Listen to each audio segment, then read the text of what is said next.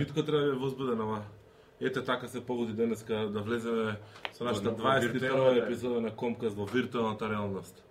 А, Митко во моментов е на еден пор... Не, не си на порнос. Кај беше?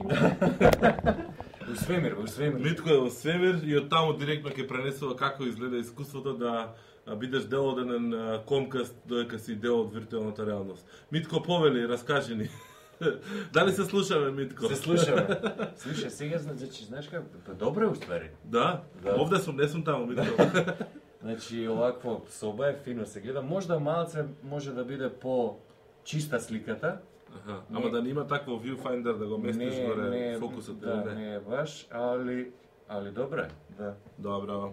Супер, значи денеска како што најавивме пред малку и Да, на голема соба. четот во не значи на стримот во која голема соба не се во соба, што соба е таа? Што има друго во собата? Раскажи Ќе видиш, ќе видиш после. за да Убиство да нема некој да не го решаваш.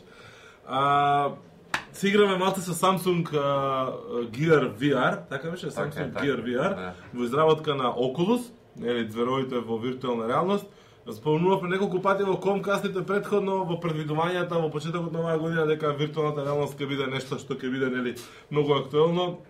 Во следниот период дека ќе донесе големи промени, а бога ми се уред за кој што вреди, односно може да се купи за 100 долари, верувам дека не е нешто преголем проблем, особено за оние малце по-гиковски ориентираните љубители на технологија да си го дозволат ова. Звук ми пушташ Митко сега. Аха, не, добро, не ми смета мене. Аха. Така да, се решивме благодарение на, на, на OneVip да го ставиме малце у Comcast, да го истестираме овој, овој уред, за да видиме што значи тоа што ќе биде актуелно 2016 година. Да. Го има го имаат сега VIP ми се чини го пуштаја тоа како понуда со новиот S7 ако нараčаш, ова ти доаѓа гага Така е. што во суштина не е лоша лоша опција, иако еве првата реакција ако ќе го фати човек во раце, Митко гледа ќе се приклучи после тоа, се извинувам се, тоа е тоа, немам друго решение, морам ја да зборувам. Слушај, добро малце оваква. Еве ја ќе ти пренесувам од овде. Добро, ти пренесе. Ти сме дали е точно тоа што го Сега сме добро Walt Disney, значи као виртуелен. А како можеш да го уклучиш сега видеото што што ти го што ни го Аха, еве горе има Facebook Е, 360 се видеос. Е, тоа уклучи го и уклучи го тоа со Марсон Ровер. Значи, не замолиш Окре да го пуштиме тоа, многу било Со добро. Марс ровер. Да. Ровер on Марс, нешто така мислам дека е. Добро, еве Е, чекај. оди таму. Од А, делува многу ефтино, мислам како пластикава, да, супер 99 долари е супер прифатлива цена вака гледано. Сигурно тоа ќе паѓа понатаму. Нормално за некој е предност, за некој е недостаток, за некој со iPhone е недостаток, а, дека всушност само со Samsung телефони работи, па за тоа ние моравме да најдеме Samsung 6 или S6, Да. не знам што е да поземуваме за да може да го експериментираме. А, не е претешко да се инсталира, ние сега за некои десетина минути прв пат од кога го фативме до со телефон со се го инсталиравме, бара многу податоци да симне, меѓутоа еве кој што може да гледате. Доста дата, а, да, треба. Доста дата треба, ама не е нешто проблем за инсталација, нема никакви посебни чекори. Па добро, освен што треба нели да да симнеш некои апликации, малце малце процесот е чуден на, на инсталација прво треба да го ставиш телефонот, па да го извадиш за да почне целиот процес на Е, добре, веројатно на ги поврзе за тоа, да свати дека имаш уред, дека не го Да, зезаш, да. нешто така. Аха. Него нешто не можам да влезам во Facebook 360. Е, па излезе тогаш. Имаме ние неколку теми за денеска, оваа е првата, значи Samsung виртуелна реалност. А, Уу, А? Друго е, а? Е, на интернет сме. А, Во добре, живо. добре. Ју. На интернет сме во живо. А, што знам, ја мислам дека ќе вака барем по искуство, по допир дека ќе биде нешто попремиум. Позитивната работа е, за пример за мене, Oculusот се обидов да ги ставам. меѓутоа Не можев со ночери, овде успеав, може и ночарите ми се различни. Се и тоа успеав да се влезам внатре со ночери, што ми е битна работа, иако може да има некој, не, нема овде за поддесување такво нешто. За за ако носиш диоптер. Да. Како и да е, ќе го пробам не со подоцна технички влегува. Да, знаеш, интересно е тоа што може би добра добра одлука е да да биде ето поевтин уредот, нели? Да, да, да, 100 да, долара, да. за да може да е по мас маркет. Па види, а, м, претпоставувам дека еден дел од причините зашто се го најави ова дека ќе биде next big thing е всушност затоа што е достапно. Е Да, сега прашањето да. е колку и како ќе е достапно за оние што немаат Samsung, имаат други типови на телефони, дали се Android или а, iPhone базирани, соодносно iOS базирани се едно. Значи, во суштина софтверот е тој што ја прави целата приказка. Не е екранот, не е нешто Па посебно. да, друго. значи, значи во суштина ќе треба нели да да постои верзија каде што може да се стават и Oculus да направи верзија каде што ќе може да се стави нели iPhone и, и, и други други модели на, на телефони. А, интересно искуство во секој случај. Mm -hmm. А, малце може малце тежи нели на на на, на фацата, не знам колку можеш дугачко Долго време, да. аха, долго да да нешто го- подпре, нешто така Па или? можда подобро е, да. Гледаш, ја маце го придржував цело Мгм. време некако така ми дое ми дое природно. Така. Али у секој случај добро искуство е одличен, нај да кажеме, мејнстрим почеток Така. на на виртуал реалити. Супер, супер. А, Сега не сум, се уште не сум сурфал, меѓутоа колку што успеав да пресурфам, а, по нет има нови апликации, се повеќе и Има, повеќе. да, А, Има една специјална индустрија која што вика дека ќе се врати назад во живот, па имат се детални анализи за таа една специфична индустрија. дека виртуелната реалност ќе ги врати во И со други помагала. во со Се- други- Connected, знаеш, Да, да, Internet of Things. device. И значи тоа комплети ќе биде интересно. Чеки се мора да замислиме некој друг, друг тип на термин, кој што ќе мора да го туркаме да тренд сетинг, кој што ќе спојува не интернет of things, него секси интернет. Секси Ама тоа е премейнстрим, знаеш, нешто нешто things, секси интернет, без сакаш и virtual reality све уедно. Нешто као Да. augmented нешто така да да биде. Интересно, augmented веќе не е не е толку многу интересно како како шема, ова веќе нели. Не, добро, сега ќе почекаме нели да да искочат да искочат оние што добија инвестиција околу 500 милиони, а уште немаат нели никаков а, производ. Меѓутоа сите што го пробале демото, Аха. кажуваат дека е нешто вау. Они се малци, они се виртуалните, меѓутоа исто работат многу на augmented reality. Мгм, мгм, мгм. Значи баш она ќе можеш нели вака рака да се гледаш тука да Така. да се случуваат. Кои се тие, работи. Не можам моментот да се сетам на на името, ќе го пишеме доле во Баш. во коментари. Значи, минатата епизода заборавивме да ме подсетиме дека треба всушност да кликнете subscribe таму долу. Да, тоа е најбитно. Значи, како, како, знаеш како, тешко ми е да им кажам на луѓето, е, кидам уживо на интернет, имаме Comcast, имаме подкаст, не, значи, сега имаме YouTube емисија. Да. Може YouTube емисија? Може. Значи, за да ја следите нашата YouTube емисија а, редовно, кликнете subscribe доле. Се што спомнуваме во текот на овој Comcast, ќе биде спомнато и линкано доле во описот на видеото, вклучувајќи ја и понудата што ја спомнавме за нашите драги пријатели од Ван Вип или Вип или Ван или Да. Ван, а, се едно. А, Митко има уште неколку битни работи. За разлика од минатиот пат, овој пат Facebook има многу што Па, многу, да, може би изгледа се загрижија дека не сме ги спомнале и рекоа тај да пуштиме се сега, Да. нема смисла. А, ова е можеби најголемата промена до сега Facebook што има направено, значи Лайвстрим видеото? лайвстрим видеото. Да, стримавме лайв а, пред оваа емисија и пред некој ден јас малку пробав. Значи, хед тип, ако не сте приметиле, сите добиваат нотификација дека стримате во живо, што значи спамирате дека можете дека Facebook ве части со тоа, нема subscribe. дека не почна да блокираат па, и, и, и unfriendуваат, односно Добро, веројатно уште е rolling out, пошто ја уште го немам добиено, а стално ги спомнувам. А ти Знаеш како се чувствувам сега? Као, многу ми е побитно што имам пред тебе пристап, пошто најчесто ти ми даваш бета, алфа пристапи на разноразни други сервиси овој пат ми е онака баш драго. Добро, Зашто добро. уште немаш, иако не ми се веруваше дека. А, не, Океј, значи битната битната работа што ја направи, што ја пушти фактички Facebook е дополнителни реакции освен лайк копчето. Емотикони. Емотикони. Да. Значи сега може да изразите и друго чувство на Facebook со еден и пол клик. Да, добро, на на десктоп значи е со чисто со хавер на на, на лайк копчето. А, ма и се пошто најголем дел од нас не се на десктоп кога сме на Facebook. Да, а на а на мобилен е нели со long press. да. Long press па го Да. го движиш кај. Се- Long press е долго притискување, притиснување на копчето. Митка, Добре, Европска си- унија. си- си- си заедно, разбира. се. А, да, а, ја мислам дека дека е добар потек ова. Секако они го тестираа ова веќе 5 месеци Да. на други пазари, очигледно се покажало дека дека функционира добро. Затоа го го пуштаат, го пуштаат на сите. Јасно, значи постојат постови, постојат значи објави кои што стварно нели не можеш да да изразиш својата реакција со со, со лайк. Да. И да. ова е еден, значи, пружа еден, еден начин на, на многу подобро нели да да ги изрази своите емоции во однос на на на тој пост или, или на тој текст што што ти е сега во стримот. Мене многу ме интересира како ќе влие ова на бројот на коментари, затоа што сега ако претходно си имал некој друг тип на на на Обично одеше во коментар. обично одеше во коментар. Да. Сега тоа ќе го замениш со да речеме една ваква акција, ваква друга реакција, вау или тажна фацка или таму што се има како како Да. опции. Чеки не ги- Тажно и и не ги видов. и енгри, нели? Лјуто. Да, Енгри Луто. Да. Мислам, Добро, имаше, да, Осетам Марк- нека брендовите многу ќе ќе ќе заглават со ова луто лутата фацичка. Да, Марк пушти објаснување нели зошто не се отишло на класичен дислайк Така. од Не, не, ја не се согласувам дека требаше дислайк да биде. Да, не да, мислам. мислам тоа ќе ќе отидеше во комплетно друга насока. Like, love, ха-ха, wow, sad, angry. Да. Добро. У секој случај ќе биде интересно и за комјунити менаџерите нели сега како ќе Предизвик. да, како ќе ги ќе ги мерат сите овие работи. Ја мислам дека се додека не е седи енгри, некако ќе биде окей. Па да, ама знаеш како сега сите тие извештаи, сите тие анализи на некој начин ќе треба да се да се преработат.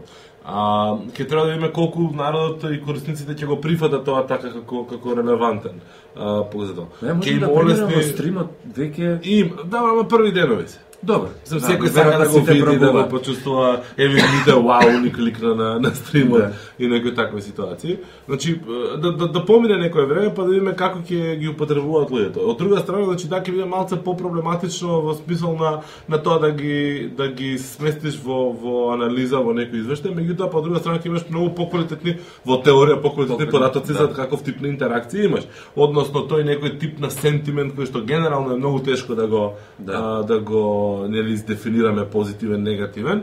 Во теорија сега ќе Да, може еве, да не знам, да земеме една го реклама, значи ќе може да се види малце во повеќе нијанси како луѓето Па, реагираат да, на, да, на истата. да, да. Друг- меѓутоа може од друга страна да биде и а, по пореално, поонест.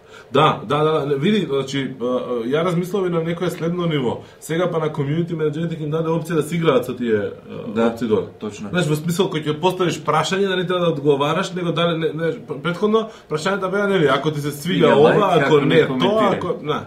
Сега можеш да кажеш како ова или ова. Знаеш, ставаш, не, глупам се, две слики и викаш вакво или такво емотиконче. И Одберете. Да.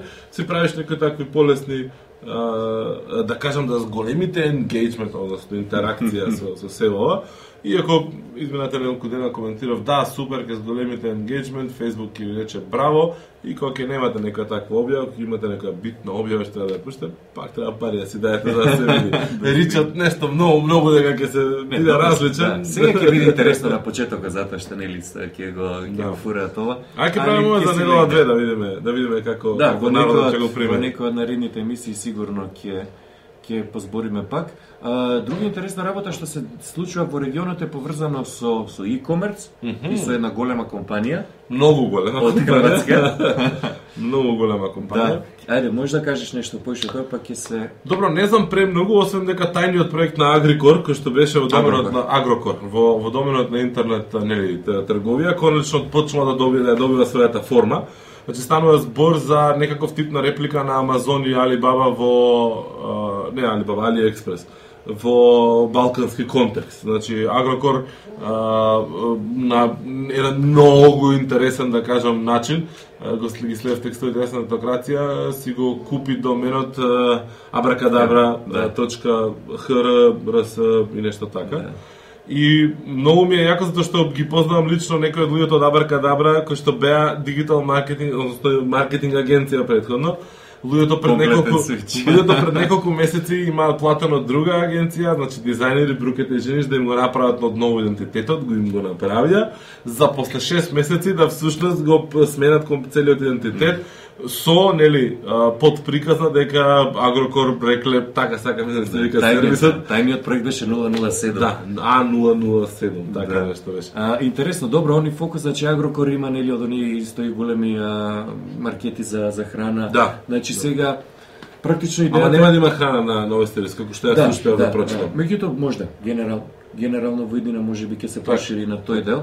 А, не знам, интересно на пример за мене ми било да еве, пример од Рамстор да можеш преку интернет да си нарачаш грошерис да ти а, намирниците да ти стигнат дома. А, значи, Што прво, мислиш? прво ќе видиме, да, у секој случај е тоа супер работа, работа што луѓе ја бара, значи има дома ком МК или дома МК сервис кој што веќе го нуди тоа, имаат пар други работи, не е преголем пазарот, меѓутоа почнува почнува да станува Да, реално. добро, знам на пример, извини ќе те прекинам во Будимпешта, Теско се имаат вратено во живо, затоа што веќе паѓале, паѓале, паѓале, пошто веќе никој не оди надвор од град да, да, да во, во, во продавница во маркет голем да купува. Се вратиле назад во живо заради таа достава. Сега можеш онлайн да научиш со малецки или камиончиња, многу сладки ги има, цело време Так, вртат низ улиците носат достава.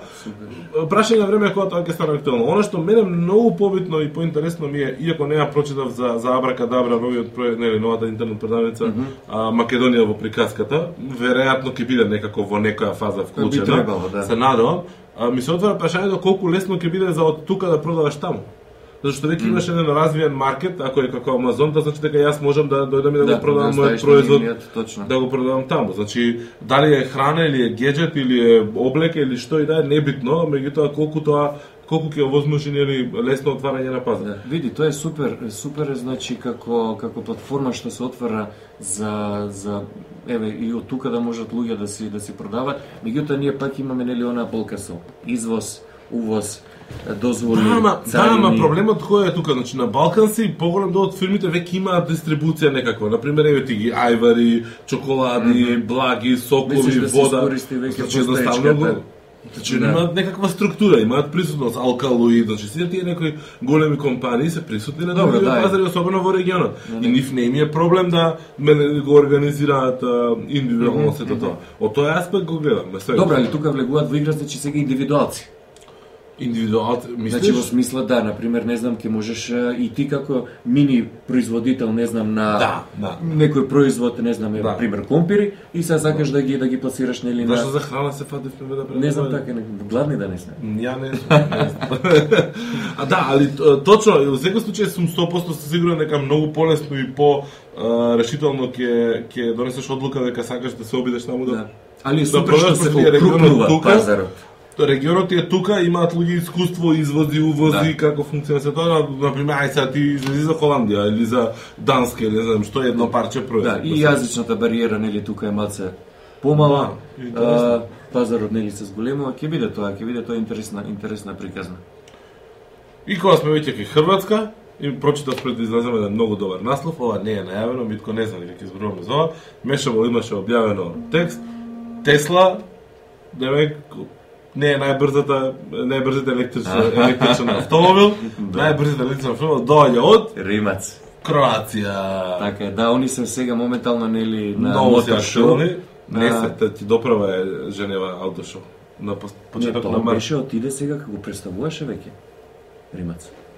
Можда не е баш на на тој. Же- да, Женева аутошоу, мислам дека доправа на, се тоа. на некој сајм сега беше кај што беше официјално Мислам дека представен. не поминам, мислам дека сега Представен доправа. а, најбрзиот електричен автомобил од во светот од Хрватска. Да, а, и прочитав 1080 коински сили има, распределени по 8000 и кусур нешто како му доаѓа таму. Не, 8, не, нешто, некоја бројка друга беше, не 8000, не, не 800 прочитав. и нешто на сите различни тркала. Го изгледа видеото, јас си ги сакам римат уште од предходно. Да, одлична А, приказна. многу ми е интересно што многу малку луѓе знаат, се надам дека сега многу повеќе ќе знаат и дека сега за разлика од лани ќе успееме да го донесеме на Олвер, што станува уште потешка мисија, особено пошто сега се уште поголеми и Не, победни. значи пред некое време има има изјавено дека апсолутно престанува да контактира со, со медиот типа да оди по интервјуа, Добро. такви работи. Добро, нема А, Направи да. исклучок кај, кај Саша. Имаше Добро. одлична емисија Аха, на кај Саша Цветоевиќ. Кажа многу работи, баш Иначе онака- Мате Римац е типот за кој што прави Да. да. по кој што се крстени Римац автомобили. Автомобили. А, долго години работа да развиваат концепт, имаат одлична приказна позадина. Так, и значи, кажа многу работи во емисијата и за ситуацијата нели во Хрватска. После тоа дури му се јави премиерот, се договорија да дојде во, во неговата фабрика, да види што може да помогне. Значи, убава една приказна, веројатно што ќе повлече во Хрватска некои работи да се да се променат. Така. И уште една работа, ќе го применуваме comcast.hr ќе биде ова. Пак Да. Хрватска доаѓа. А, Дрон Фест во, во, во Хрватска, најавен е првиот Дрон Фест. Да. Дали каде некој митап или време само- фест, не знам, не, не стигнав да прочитам, ама... Па ја тоа го замислам, знаеш како ние со, со авионите што си се собираат Аха. што ги летаат. Ама не, ке беше како митап, ке беше како митап некој најавен, не беше како фест да биде најавен. Ќе видиме, да. А во секој случај интересно. Еве, значи за сите љубители на дронови, верувам дека има а, такви кои што го следат Комкастов, ако нема тоа што имате другари кои што се заразени со дронови или кои што летаат дронови или кои што е, слетуваат успешно или неуспешно дронови. А, подземнете што како зашто во Хрватска има најавен во Загреб Дрон Фест, веројатно е, интересно да се нели продискутира со сите тие луѓе а, на едно место. А, биде да интересно. спомнеме најбитната апликација Snapchat. А, битна новина има. Битна новина има во Како да заборавивме, значи... заборави ти. Добро се иде. Ајде, ајде, слушам, слушам, да не испадне дека те прекинувам за Snapchat. Да, да. Овај, а, значи пушта една многу интересна работа. А, нажалост сега за сега е само за Америка, Канада и Велика Британија. Значи сега ќе може секој да си направи геофилтер и да од 5 долари па па нагоре, значи за забави, за настани, фестивали, концерти, а, венчавки, Трае, трае одреден период, краток. Да, значи одреден период и се бираш локацијата на која што сакаш да ти се појави тој тој Аха. геофилтер. Аха, и, и Сам као- си го дизајнираш, сам си го правиш, само правиш аплод за еден бизнес деј, наводно треба да да го одобрат. И добро ти викаш, значи мојава свадба е од тој тој датум, Точно. на таа Ја локација. одредуваш локацијата, односно еден геофенс. Така, така, така, така. И во тој на сите луѓе што се таму, се разлика дали се конобарите или не. сите што ќе Така да ќе биде интересна Snapchat story со со сите тие со сите тие нови нови геофилтери. Аха, па супер, супер. А, а цената 5 долари викаш во зависност од што? Во Кажа, зависност значи од од колку сакаш радиусот да биде голем и колку сакаш да трае. Аха. И као да ме најмал радиус, нај, најкратко време, што најкратко време? Пет, до- е, не знам точно колку А, е, да. Веројатно ме го рачуваат на 2-3 дена. Па 5 долари сум уопште не звучи, не звучи скуп. Мислам скап. Да, да, ја мислам дека дека дека е окей. Интересно. А, добро, сега, нели, влегуваме во таа приказка Snapchat, а, ми улетна мене интересен текст, не знам дали го виде за ANG банкава, колку има цел тим за производство на видео, за целата групација, што прават, како прават видеата, и имаше еден осврт за тоа колку супер поминуваат на Snapchat, а колку мал тим со малку ефорт, односно со малку труд, а, условно речено во споредба со се ова да, друго, е- работи на тој канал. Значи, као две-три видеа на ден, кратки, и дека се ненормално задоволни на целата приказка. И дека Да, тоа се двајца луѓе што седат во рамки на тим од 20 на луѓе кои што е, посветен само за за видео во Да. во, во компанијата. Добро, за разлика нели од Face и од YouTube, каде што треба малце поголема продукција, убавината на Snapchat е толку во, то- во, во тоа што тие видеа се бекстейдж, значи, значи не се толку over uh, production. Да, да, па Не- нема, не може да имаш ни ни ни продава. Чекај, може да снимиш видео, снимено видео да го залечиш на Snapchat. Не може, значи, да, можеш, меѓутоа нема да оди во стори, него може еден на еден во комуникација. Аха, аха. Меѓутоа нели имаш луѓе, па телефонот да биде на сталак, па да има разни кадри, мислам, постои да да се направи Snapchat видео кој ќе оди во стори да биде баш онака продукциски добро издржано. Ама да снимаш екран, ствари. Не, значи Не? има има опции, може да дојдат на на Бринстер предавањето да Да ја цело време се и билдам, билдам, билдам да кажеш тоа, ме Да, сакаш? да. Ај прашај да ти кажам. Ќе да прашам после што има ново. да.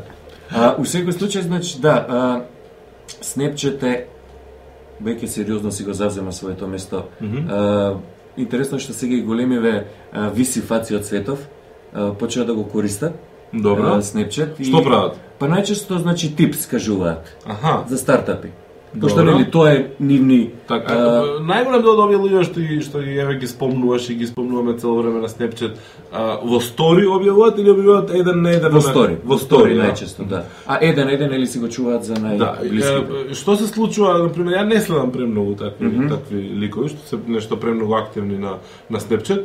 А, ти во твојот фит кога ќе отвориш стори, колку имаш да кажем во текот на денот нови такви објави? Па, добре. колку луѓе вкупно следиш од прилика? Чисто ме интересира како корисник, знаеш, каков тип на на на ангажман Така. бара тоа те. Добро, ја малци тамо некој curation или направив, следам следам негде околу околу 100 луѓе од цела од цела вајде мене индустрија што ми е интересна. Добро, добро. А нормално не можеш сите да ги да ги изгледаш, што е премногу премногу време. Меѓутоа ги бирам оние што ми се најинтересни, на пример, еве последно не знам го гледав а, Сука инвеститорот, а, исто доста познат од Силиконска долина, баш на Snapchat прво објави дека инвестирале 12,5 милиона во некој стартап кој што претходно го снимаа на Snapchat да му го прават пичот.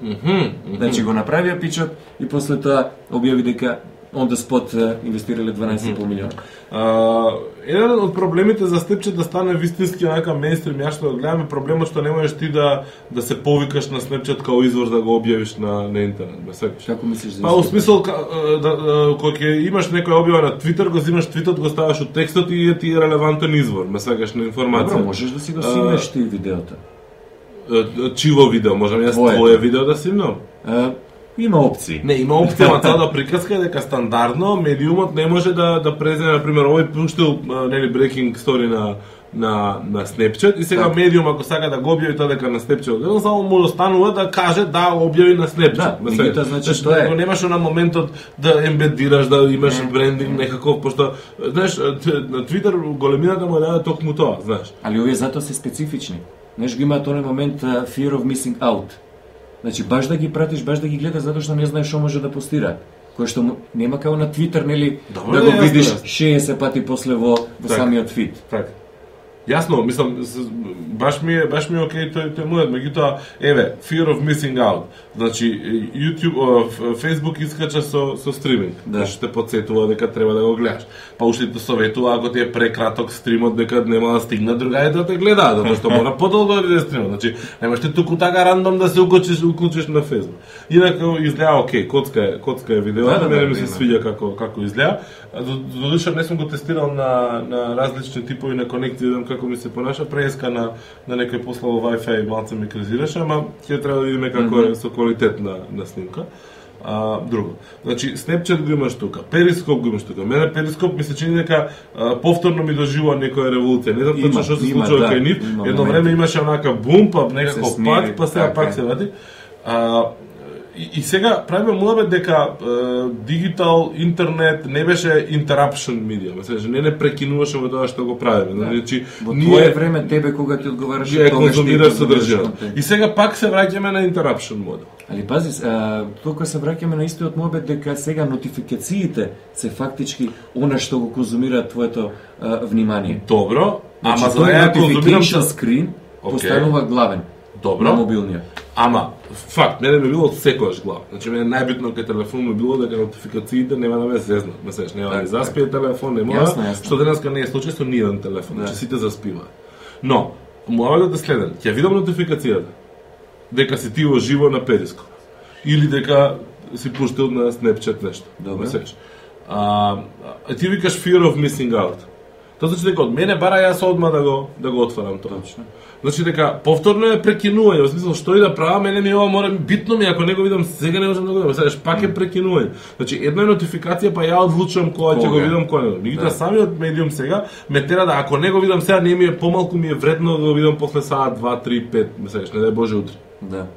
Лайф моментот станува се се по побитен и побитен. А, многу ми е интересно како како всушност публикава нели функционира пошто ти ако имаш многу луѓе што ги следиш и на Snapchat и на Twitter и на Facebook и еднаш сите почнуваат да да, да стримаат нешто лайв се губи моментот, се губи ќе се губи драшта, ме свеш. А добро, значи зависи сега што гледа кои луѓе ги пратиш нели и фактички одлуката е твоја што ќе гледаш ти во лайв, нема а што дискусија, а што може би после во стрим ќе го ќе го видиш дали било дали би било интересно, не знам, Гери Ви кога кога ќе стрима, нели тоа се одма 30к views лайв во самиот момент, штом ќе почне. Така. Добро. Мислам, интересно ми е, пошто не сум го размислувал тоа, тоа премногу, меѓутоа пак се враќаме на овој модел дека, нели, моментот е дека те прекинува. Една, една приказна нотификација. Мислам, барем за мене, не знам. А, иако и сега ми стигнуваат тие нотификации, ги гледам, меѓутоа многу ретко реагирам на нив. Многу ретко реагирам. Може би ги неа вистинските луѓе. Може би искуството ме научило дека не се доволно интересни е, е, работите што ти ги Да. споделуваат. Например, Значи, фактички да реагираш ти во самиот момент, стварно нели треба да ти е Ти Да нешто процениш дека е да битно, дека тука е битно и насловот на објавата и те- текстот, ме Точно, значи она да даде ургентност, да даде и комплетни информации за тоа што ќе се случува или што се случува внатре. Знаеш, пошто ако ми кажеш, е, јас сум уживо сега, аха, супер, браво, али јас сум уживо, Да, тој настан спореме со овој, тогаш веќе е на друго. Пошто имав вчера нека настан нека конференција по Америка се случуваше, некои од луѓето што ги следам, имаше, значи, од таму со тој во живо сега. Да. Е, тоа веќе ми има логика. Не, дефинитивно, значи, видеото као такво станува можда и главниот, главниот медиум. Иако Да. до сега беше онака, нели, малце а, подценето, нели си вика, многу е тешко видео на интернет, а, пред некое време, сега е баш онака а, мейнстрим. Има има два моменти. Uh, едниот момент е да се враќа видеото назад, нели, веќе некое време на голема врата и uh, тоа е окей. Под предуслов на технологија, брзини на интернет, 4G, 5G, нели, бла бла бла. Но а, она што ми е битно што мене до некаде ме радува е што заради сета таа нова форма што ја добива видеото сега на интернет, повторно се враќаме на ситуацијата во која што а, продукцијата не е најбитна. Пошто слободата што ја даваше интернетот е самиот почеток. Да. Да, затоа што Едно едно време сега едно, секој е бродкастер. Едно време можеше со со со со катастрофално светло, звук, било што да само да функционира, да да, да поминеш, да завршиш работа, па YouTube изфорсира нели квалитет стриминг да. 180 1080p стриминг како што овој го гледате во моментов сега се надеваме дека ќе имаме помали проблеми со а, дилеј, односно раздвојување на звукот оваа епизода, ако не ќе ја следиме после тоа. Затоа што па, различни поврзувања, различни сетинзи и сме, се убедивме меѓу време со Мите дека YouTube има приоритетни стримови кај што ти посветува поише внимание. Но Добро, ќе се а, искачиме YouTube форсира, YouTube некако постави некој изфор, не изфорсира, меѓутоа нели создаде услови за одвојување, значи на посаглам продукција Добро, на таму се. имаш стварно сериозни продукции. И не можеш ти да влезеш сега со нешто по по неквалитетно кој што ние имаш со- други платформи. Е, сега овие го враќаат пак назад, што- момент на Океј, не е битно дали е најбољи Значи, сликата или не, да. битно е да имаш добра Повторно имаме демократизација на видеото. Па, а, по, видеото е повторно за широките народни маси. Не, широките интернет маси. Добро да. Доста, а? Па доста е. Што треба да кажеме за каде? Се гледаме. На интернет. исключительно